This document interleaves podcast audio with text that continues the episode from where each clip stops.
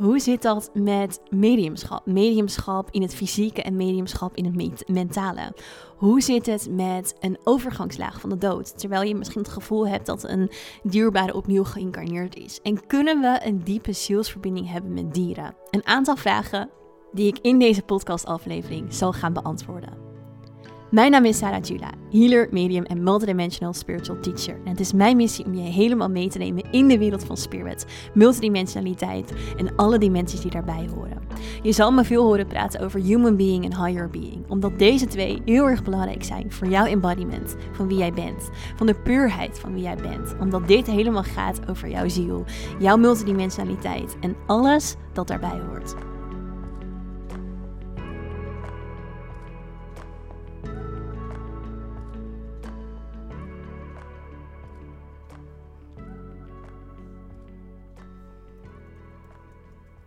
Yes, welkom bij weer een nieuwe aflevering van de Inspirit Podcast.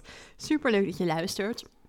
Ik eh, wil in deze aflevering op een aantal onderwerpen ingaan waar ik de afgelopen tijd vragen over heb gekregen. En uh, een van die onderwerpen is um, het mediumschap. Um, ik kreeg een vraag van iemand en zij was een documentaire aan het kijken. Volgens mij een documentaire die op Netflix staat over een medium. Ik heb hem zelf niet gezien.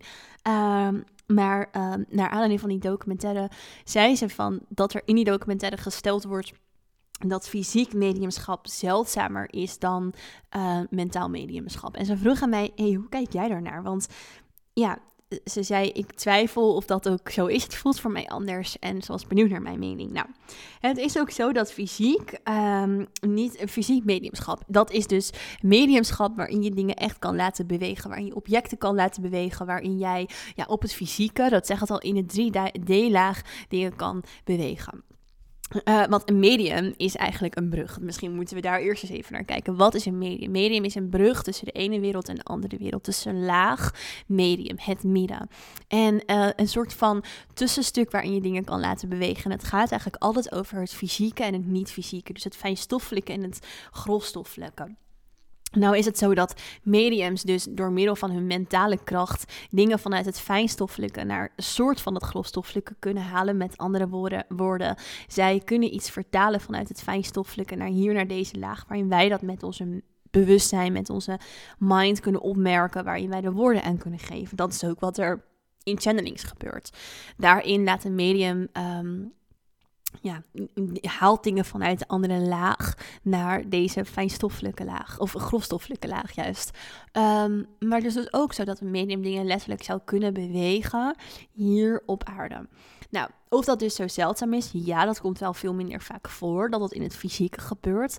Waarom? Omdat het dus alles te maken heeft met het um, bewustzijn verankeren in de zesde dimensie. De zesde dimensie, ik heb het er vaker over gehad hier op de podcast, is de laag van bewustzijn waarin we um, eigenlijk dingen shiften van niet-materie naar wel-materie. Dus de zesde dimensie is een soort van, eigenlijk ook al een soort van brug, een soort tussenstuk waarin het bewustzijn heel erg gaat over juist materie Dus als een medium um, verankerd is in bijvoorbeeld de zesde dimensie, dan is het heel goed mogelijk dat het fysieke dingen ook shift als een medium meer verankerd is in bijvoorbeeld de vijfde dimensie, um, dan kan je bijvoorbeeld veel meer in het mentale zakken. Want de vijfde dimensie is ook veel meer um, ja, vanuit het hart, vanuit eenheid, vanuit liefde, vanuit daar een boodschap overbrengen. En betekent het nog niet dat je de bevoegdheid hebt om vanuit het fijnstoffelijke, ook in het grofstoffelijke, iets te shiften en iets te veranderen. Dus waar het hier over gaat, is het mate van bewustzijn van het medium. En dat is met alles. Dus we kunnen dit eigenlijk allemaal als we ons bewustzijn verhogen. Als we ons verankeren in die andere laag van bewustzijn. Want dat is wat een dimensie is. Een dimensie is letterlijk een andere laag van bewustzijn, een ander punt van bewustzijn, een ander ja, bewustzijnsperceptie. En als jij je daarin verankert, als jij jouw trilling kan verhogen, zodat het die laag van bewustzijn kan aanraken, zodat het naar die laag van bewustzijn kan groeien, kan verhogen. Dan kun je dus ook gebruik maken van de kwaliteiten die je vindt in dat hogere bewustzijn. En de zesde dimensie is dat heel sterk. Het veranderen van materie, vanuit het fijnstoffelijke. En dat betekent dat je zomaar met je ogen een deur dicht zou kunnen doen. Dat je zomaar uh, iets zou kunnen verplaatsen, zomaar iets zou kunnen veranderen. Dat is ook wat er gebeurt als er beings verankerd zijn in de zesde dimensie, waarin nou ja, soms entiteiten dat doen, wat niet altijd fijn is. Maar ook bijvoorbeeld ehm, spirit guides. Dus onze spirit guides sturen dingen aan in onze fysieke realiteit. En dat zijn soms ook heftige dingen. Een voorbeeldje wat in me opkomt is, stel er gebeurt een ongeluk waarin je terechtkomt. Het kan zijn, hoeft niet, kan zijn dat jouw spirit guides daar eigenlijk dat ongeluk op je pad hebben gebracht. Waarom? Omdat dat ongeluk voor jou bijvoorbeeld een grote wake-up call is. Omdat het eigenlijk iets is wat het je, dat, dat het je echt iets wil vertellen. Dat zou zo kunnen zijn.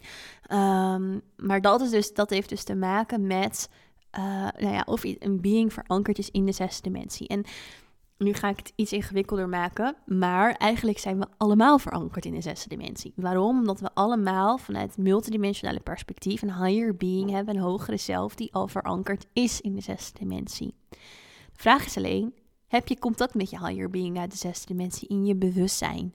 Kun je je daar helemaal op afstemmen? Zo ja, dan kun je dus gebruik maken van die bewustzijnrealiteit. Als dat nog niet lukt, als je daar nog niet op af kan stemmen, dan is dat bewustzijn in jou nog niet geactiveerd.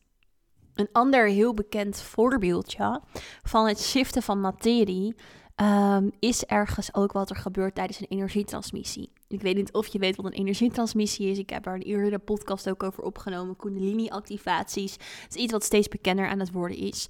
Um, daarin shiften we eigenlijk ook op een bepaalde manier materie, omdat het lichaam zou kunnen gaan bewegen. Dat betekent niet dat de facilitator verankerd is in de zesde dimensie.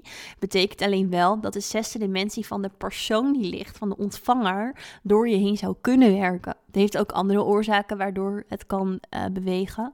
Uh, maar dit is wel iets wat bijvoorbeeld ook voorkomt. Als ik zelf um, energietransmissies geef, ik ben helemaal afgestemd op allemaal higher beings, uh, werk ik heel sterk met mijn higher being van de zesde en de achtste dimensie samen. Nou, dat is heel um, diepe multidimensionale materie, hoe dat dan zit, met welke, met welke higher being, hoe of wat. Uh, maar ik zie het leven van mijn higher beings, dus dat zijn delen van mezelf in energie op andere plekken in het universum, in andere lagen, tegelijkertijd met het leven wat ik hier zie. Dus kan ik met ze samenwerken. En daarmee kun je dus ook op een dieper niveau materie hier shiften.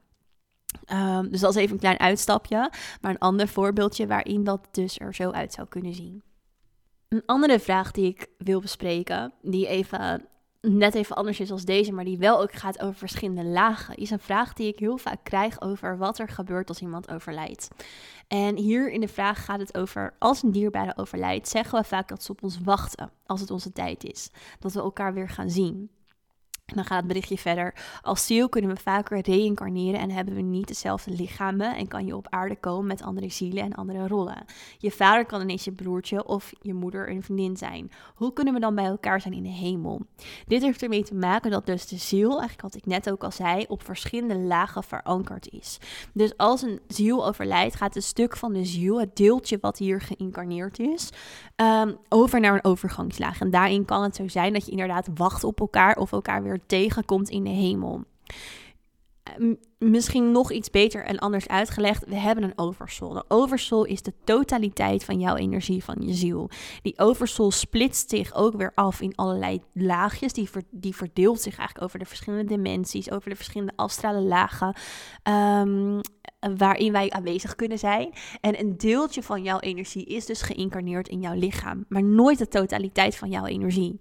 Dat betekent dus ook dat je in die andere lagen je higher beings hebt. En dit allemaal is één grote soort lijn in verbinding die van jou loopt naar door je higher beings heen. Staat allemaal met elkaar verbinding richting jouw oversoul. Jouw oversoul is dat geïndividualiseerde deeltje bewustzijn, wat is losgekoppeld van source. Nou, als je overlijdt, is het kleine deeltje wat geïncarneerd is in jouw lichaam, dat gaat door. Dat gaat door naar een astrale laag. is anders dan een dimensie. Een astrale laag is een energetische laag die hoort bij de aarde. Een laag om de aarde heen die fijnstoffelijker is, maar die wel nog verankerd is aan de aarde. Dus het is niet zo dat je ineens naar een andere planeet gelijk gaat of ergens naar een bepaalde nothingness. Je blijft nog even verbonden met de aarde.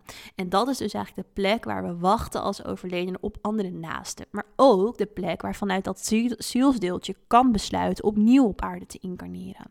En dan gaat het eigenlijk weer door opnieuw in een incarnatie. Nou krijg ik wel eens de vraag, hoe zit dat als ik het gevoel heb dat um, mijn opa geïncarneerd is in bijvoorbeeld mijn zoontje of mijn neefje of wie dan ook. Um, even als voorbeeldje. hoe kan het dan als ik ook het gevoel heb tegelijkertijd nog contact met mijn opa te hebben in spirit? Met andere woorden, hoe zit het als een ziel die je kent, dat kan ook je moeder zijn, in je dochter of in je zoon, maakt niet uit, uh, opnieuw geïncarneerd is, maar ik heb het gevoel dat ik nog steeds daarmee contact heb in spirit. Dat betekent dat een deel van die ziel geïncarneerd is en een deel van die ziel nog steeds in spirit aanwezig is. Dus een ziel incarneert nooit volledig. En we laten op bepaalde plekken een soort afdruk achter van onze energie. Onze energie kan daar nog even zijn. En hoe kan dat? Omdat er eigenlijk geen tijd bestaat.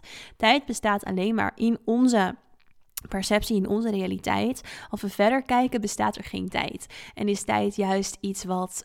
Um, nou ja, niet, dat bestaat alleen in de, in de vierde dimensie. Wij zitten in ons bewustzijn in tijd, maar andere plekken hebben die tijd niet, kennen die tijd ook helemaal niet. Dus daardoor kunnen we ook op meerdere plekken tegelijk zijn. En dan als laatste voor nu, kunnen mensen en dieren een zielsconnectie hebben? Absoluut. Dieren kunnen zeker een zielsconnectie met ons hebben en wij met hen. Uh, zij kunnen zielen zijn die um, nou, een hele belangrijke rol in ons leven spelen, in ons zielsleven spelen. Dus niet alleen het fysieke, maar waarin we meerdere levens mee incarneren. En zie, dieren kunnen ons ontzettend veel leren vanuit een andere laag, vanuit een ander bewustzijn. Sommige dieren hebben weer een hoger bewustzijn, um, kunnen hele andere multidimensionale dingen dan dat wij als mensen kunnen. En tegelijkertijd alleen al het in de energie van een dier zijn kan bij ons allerlei stukken aanzetten waardoor we kunnen groeien. En het kan dus zeker zijn dat je je dier, dat een dier als het overlijdt, dat je daarmee in contact kan blijven, dat je daarmee een hele bijzondere band kan hebben. Dit is wat ik vaker heb gehoord van sommige van jullie dat als een dier overlijdt dat je voelt dat het een soort spirit guide wordt. En ja, dat kan zeker. Net als dat een overleden dierbare, opa en oma of wie dan ook een spirit guide voor je kan zijn, kan een dier dat ook worden. We hebben allemaal verbindenissen en um, met andere energieën. En dat kan zijn dat een, een, ja, een energie die verder is, een energie die minder ver is. We leren allemaal van elkaar. Er is dus, wat ik al vaker heb gezegd, niet per se iets als een verder en een beter. Het is gewoon een ander bewustzijn waarin iets of iemand of het, wat dan ook, verankerd is, waar we, waar we van kunnen leren. Dus um, Absoluut. Ik heb zelf een hond, Momo. En ja, het is zo bijzonder. We hebben ook zo'n bijzondere connectie. En het is überhaupt een echt een heel bijzonder beestje. En ehm, daar voel ik ook zo'n diepe verbindenis mee. Die zoveel verder gaat en die zoveel dieper gaat. En dat is heel mooi en dat is heel bijzonder om op te merken. En ehm, onze verbindenis gaat ook veel verder dan alleen maar dit leven. En uh, ja, dat. dat uh, ja, dat zijn hele mooie verbindenissen om te voelen. Dus um, ja, absoluut. Nou, ik hoop dat jullie wat aan deze antwoorden gehad hebben. Ik wil je heel erg bedanken voor het luisteren. En ik zie je heel graag terug in een volgende aflevering in Spirit.